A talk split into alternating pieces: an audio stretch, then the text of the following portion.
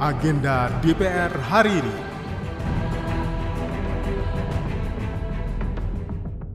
Tahun 2045, Indonesia diprediksi akan menjadi kekuatan ekonomi lima besar dunia.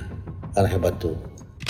Anggota Komisi 5 DPR RI Edi Santana Putra membagikan kegiatan yang dilakukan di dapilnya yang terdiri dari enam kabupaten kota yaitu Palembang, Kabupaten Banyu Asin, Kabupaten Musi Banyu Asin, Kabupaten Musirawas, Kabupaten Muratara, dan Kota Lubuk Linggau. Kegiatan pertama yang dilakukannya adalah pembangunan jalan tol di beberapa kota.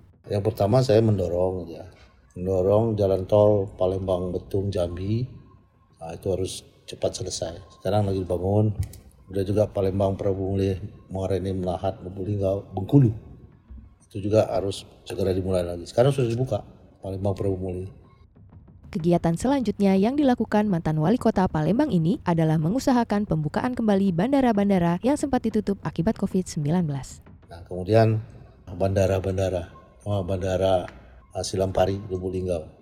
Sekarang sudah mulai terbang lagi. Nah, dulu pernah tiga kali sehari dan mudah-mudahan sekarang menuju ke sana lagi. Tapi sekarang tiap hari ada penerbangan. Dari tutup sama sekali waktu COVID-19 itu. Selain itu, sesuai amanat Presiden, anggota fraksi Partai Gerindra ini juga mulai bersiap dalam pelaksanaan program menuju Indonesia Emas 2024. Menurutnya, dalam hal ini kesiapan SDM sangat penting dan dua hal yang harus diprioritaskan adalah kesehatan dan pendidikan. Ia pun menghimbau mengenai kecukupan gizi anak yang harus mulai diperhatikan sejak dalam kandungan agar anak dapat tumbuh sehat dan cerdas.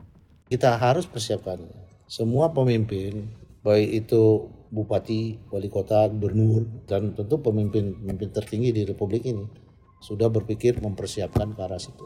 Kita harus siap untuk mempersiapkan diri semua untuk menuju Indonesia Emas tahun 2045. Karena tahun 2045 Indonesia diprediksi akan menjadi kekuatan ekonomi lima besar dunia. Kan hebat tuh. Tapi kalau tidak persiapkan SDM-nya, nah ini bisa-bisa itu tidak tercapai. Jadi anak-anak kita ya mulai dipersiapkan dari ibu hamil.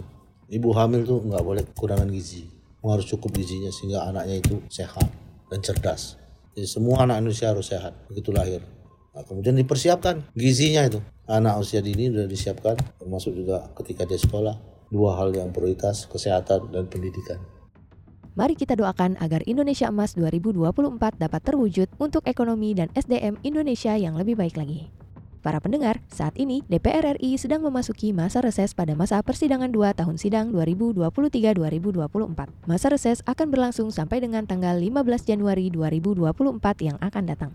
Pada masa reses, anggota DPR melakukan kunjungan kerja ke sejumlah daerah, memantau langsung ke lapangan perkembangan kinerja mitra kerja. Selama masa reses, anggota DPR juga bertugas menyerap aspirasi masyarakat di daerah pemilihan masing-masing. Anda dapat bertemu dan menyampaikan secara langsung pada anggota DPR di rumah aspirasi yang tersebar di seluruh tanah air. Seluruh temuan dan masukan yang disampaikan oleh masyarakat akan dibahas pada masa persidangan yang akan datang.